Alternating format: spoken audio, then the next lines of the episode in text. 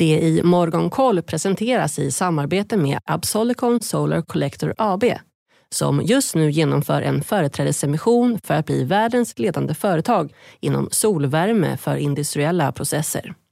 Läs mer på absolicon.se. God morgon, välkommen till det i Morgonkoll. Blandade rörelser i Asien. Stockholmsbörsen ser ut att öppna svagt uppåt och terminerna för USA-börserna pekar mot en försiktig öppning i eftermiddag.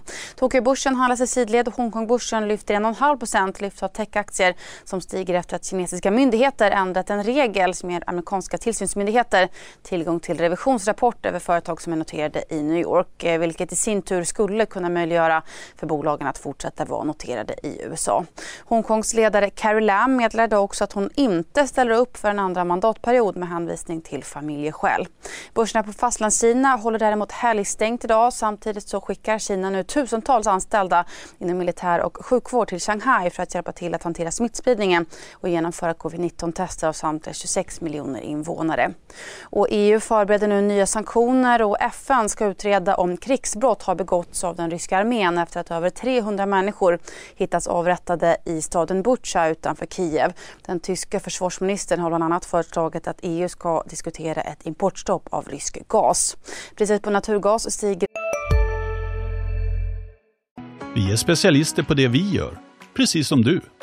Därför försäkrar vi på Swedea bara småföretag, som ditt.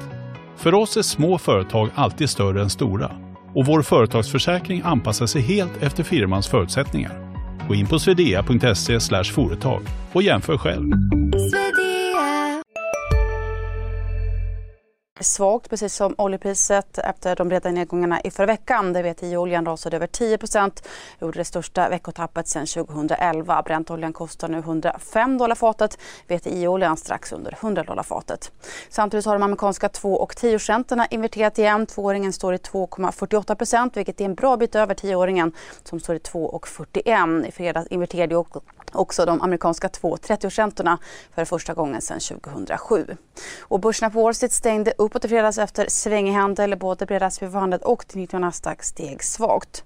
Ungerns premiärminister Viktor Orbán vann en stor seger i gårdagens parlamentsval. Hans parti Fidesz fick drygt 53% av rösterna mot oppositionens 35 och sitter därmed kvar vid makten. Även i Serbien tog sittande presidenten och högerpopulisten Aleksandr Vucic hem segern i gårdagens val och kan därmed också han sitta kvar ytterligare fem år på posten.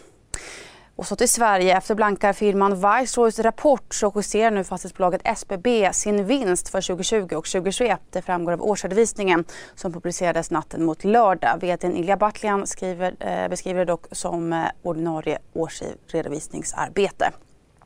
Idag är det inte jättemycket på agendan men vi får i alla fall månadssiffror för Avanza och Nordnet. Dessutom så inleds ju slutligen också Fingerprint-rättegången sju år efter åtalet. 8.45 är det också Börsmorgon, det får ni inte missa. Missa inte heller Börskoll klockan 14.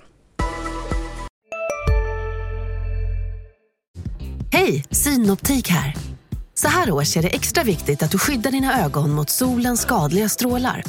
Därför får du just nu 50% på ett par solglasögon i din styrka när du köper glasögon hos oss på Synoptik.